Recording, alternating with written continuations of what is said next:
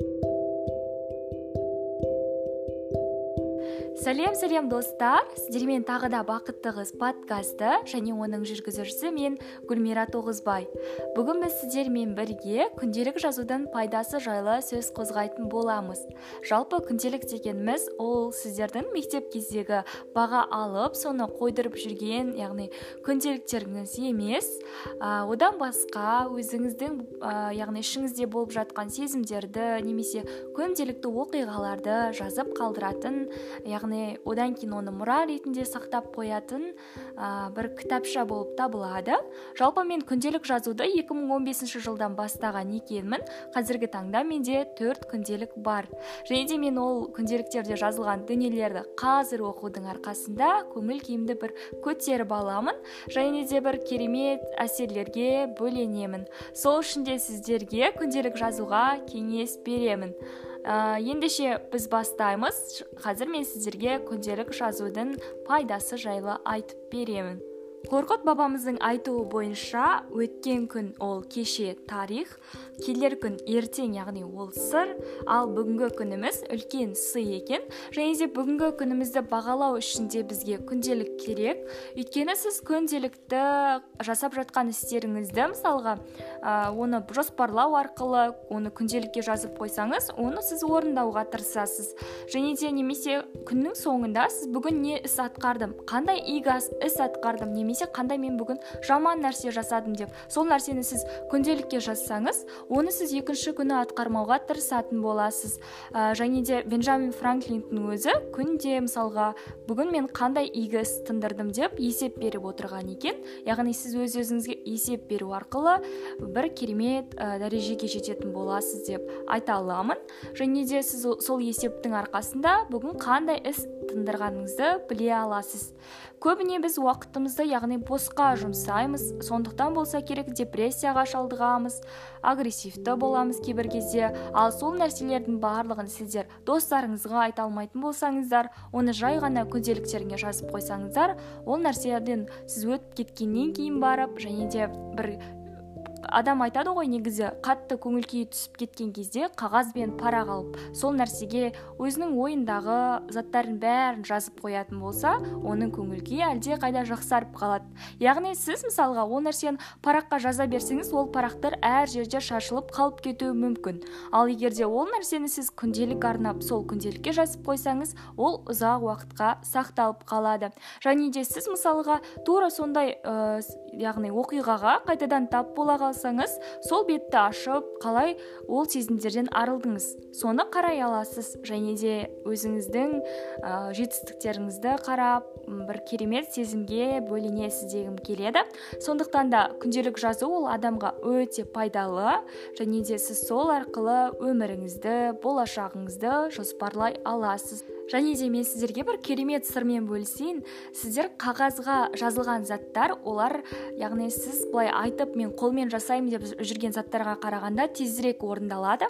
Өйткені мен мысалы осы бір күнделіктерімді қарайтын болсам ол жерлерде жазылған екен. Яғни мен университетте грантта оқимын және де өзім қалаған журналистика мамандығына түсемін деп көп жеріме яғни күнделігім көп жеріне жазған екенмін. Және де кейіннен мен ол күнделіктерді қазір қарап отырмын да сосын сол жерде жазылған бүкіл дерлік яғни армандарымның мақсаттарымның орындалғанын көріп жатырмын. Егер де сіздер де армандарыңыз мақсаттарыңыз орындалсын десеңіздер оны осылай қағазға жазып қойыңыздар. Егер де күнделік арнай алмай жатсаңыздар бір параққа жазып оны сақтап қойыңыздар. Және де бірнеше жылдар өткеннен кейін ол парақты қарап көрсеңіздер сол кезде өздеріңіз куә боласыздар. Яғни сол кездегі арман мақсаттарыңыздың барлығы дерлік. Немесе барлығы болмаса да бір 90 проценті яғни орындалғанын көре аласыздар. Осы арқылы яғни сіздер арман мақсаттарыңыз қағазға жазу арқылы бір керемет нәтижеге жете аласыздар. Ал одан кейінгі кезекте бізде жаңағы жағымсыз көңіл күйлер болады. Яғни ол нәрсені сіздер достарыңызға айта алмауыңыз мүмкін ата анаңызға айта алмауыңыз мүмкін. Бірақ сіз оны күнделікке жазу арқылы яғни сізде бір керемет сезім болады. Мысалға мен өзім алғаш рет тоғызыншы сыныпта бір жігітті ұнаттым. Бірақ оны ұнататынымды ешкімге де айта алған жоқпын. Достарыма да ата анама да айта алған жоқпын. Ол жігіттің өзіне де айтқан жоқпын. Бірақтан да ол оны мен жай ғана күнделігіме жазып қойдым және де уақыт өте келе. Мысалға сол кездегі сезімдердің қандай болғанын ол жай ғана мен сол кезде мысалы мен ол жігітке ғашық болдым деп жүрсем жай ғана ол кездегі сезім менде ұнату болғанын білдім. Және де менде бір керемет жеңілдік пайда болатын оны күнделікке жазған сайын яғни мен сезімдерімнің бәрін өзімде сақтап жүретін болсам менде ол ауырлық тудыруы мүмкін. Ал егер де мен оны күнделікке жазатын болсам бір жеңілдеп қаламын. Яғни ол сіздің сыр бөлісуші досыңызға айналуы мүмкін. Ал тағы бір айта кететін жайт мысалға кейбір адамдардың мүлдем достары болмауы мүмкін және олар сондықтан қиналып жүреді. Ішімді ішімдегі сырымды айта алмаймын. Достарым мені сатып кетуі мүмкін деп достарына да сенбеуі мүмкін. Ал егер де сіз сырыңыздың бәрін күнделікке айтып ол күнделікті сіз ешкім білмейтін жерге өзіңіздің бөлмеңіздің бір жеріне тығып қоятын болсаңыз оны ешкім де білмейді және де ол сіздің ең сенімді досыңызға айналады. Ә, жалпы мен университетте оқып жүрген кезде бізге бір шығарма жазуға тапсырма берген болатын. Сол кезде біздегі бір группадағы қыз айтты яғни бір керемет шығарма жазып келген. Сөйтіп ол жерде айтады менің достарым оларды олар түрін келбетін өзгертіп тұрады бірақ оның ішкі келбеті сол баяғы дейді. Мен олмен кездескен сайын бір жеңілдеп қаламын деп айтқан болатын. Сол кезде бәріміз де яғни таң қалдық. Группада бізде 32 студент. Сонда ол кім болды екен? Және де ол қандай дос екен? Оның сырты өзгеріп тұрады бірақ іші өзгермейді. Және де ол ең сенімді досы екен деп. Сол кезде барып ол айтты бізге ол оның күнделігі екен. Яғни ол бір күнделігін бітірген сайын екінші жаңа бір күнде, күнделік арнайды. Ал одан кейін барып үшінші бір жаңа күнделік арнайды сол арқылы оның ішкі сезімдерін бәрін тек қана сол сенімді досына ғана айтып отырады. Және сол арқылы бір ә, жеңілдеп қалады десек те болады.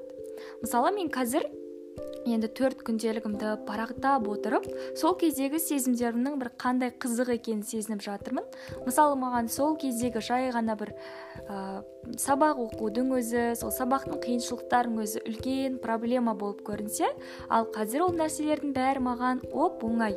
Яғни белгілі бір таңда сіздер сол нәрсенің бәрін ә, қалай оңайлықпен қал, қалай ол нәрселердің бәрін сіз оңайға айналдырдыңыз немесе сол кездегі сезімдерден сіз қалай құтылдыңыз соның бәрін де жазып қоятын болсаңыз болашақта сол арқылы өзгелерге кеңес берсеңіз болады. Мысалы менде осындай жағдай болып еді. Мен осы нәрселерді жасау арқылы ол нәрседен құтылдым деген секілді. Мысалы ол күнделік сізге кеңесші де бола алады. Жалпы тағы да өзімді мысалға келтірсем иә? Мен мысалы көбінесе күнделікті андай эмоционалды жағдайлар болған кезде қатты ашуланған кезде қатты көңілім түскен кезде яғни оған көп заттар жазады екенмін. Сосын мен оны жазу барысында ойланамын мен не жазып жатырмын? Ал жазып болғаннан кейін оны бір оқып шығамын да қарап отырсам ол нәрсе бір түкке тұрмайтын бір нәрсе болып шығады. Маған мүлдем қажеті жоқ немесе мүлдем оның ашулануыма қажеті жоқ нәрсе болып шығуы мүмкін. Одан кейін мен толтырып болғаннан кейін ойланып қаламын. Мен не үшін сонша ашуланып жатырмын? Маған оның мүлдем қажеті жоқ қой деген секілді. Яғни сіз мысалға сол нәрсені біреуге барып ашуланып айтып беретін болсаңыз ой менде осындай болды мынандай болды десеңіз ол адам сізді дұрыс қабылдамай қалуы мүмкін. Ал егер де сіз оны ашумен барып бәрібір күнделікке жазатын болсаңыз оны жазып болғаннан кейін барып ойланасыз. Және де бір нәрсе бар ғой яғни айтылған сөз атылған оқ. Яғни оны сіз ешқашан қайтара алмайсыз. Сіз біреуге ашуланып ол нәрсені айтып берсеңіз ол, ол адамның ойында жаман әсермен қалып қалуыңыз мүмкін. Бірақ ана айтқан сөздеріңіздің бәрін қайтып ала алмай қаласыз. Және де ашу үстінде адам түрлі нәрселерді айтып тастауы мүмкін. Сол үшін де оны қағазға жазғаны дұрыс деп ойлаймын. Мен де мысалы соны қағазға жазу арқылы ол нәрсені жазып болғаннан кейін ойланып қаламын неге мен сонша ашуландым? Бұл түкке тұрмайтын нәрсе екен ғой. Мен былай жасай салсам болатын еді ғой деп. Сол кезде барып мен өзімді сабырға келтіремін және де осы кезде мен күнделіктің пайдасын көремін. Сол үшін де айтып жатырмын сіздерге күнделік ол кеңесші. Және де жалпы сіздер сіздер де күнделікті толтыру барысында одан басқа да оның пайдаларын көре аласыздар деген ойдамын. Сол үшін де бүгіннен бастап күнделік толтырыңыздар және де өз күндеріңізді жоспарлаңыздар. Сіздермен ә, сіздермен жалпы ой бөліскен маған ұнайды және де сіздер де күнделікке ой бөліскен кезде керемет сезімде боласыздар деген ойдамын. Ә, жалпы осымен бүгінгі подкастым тәмам.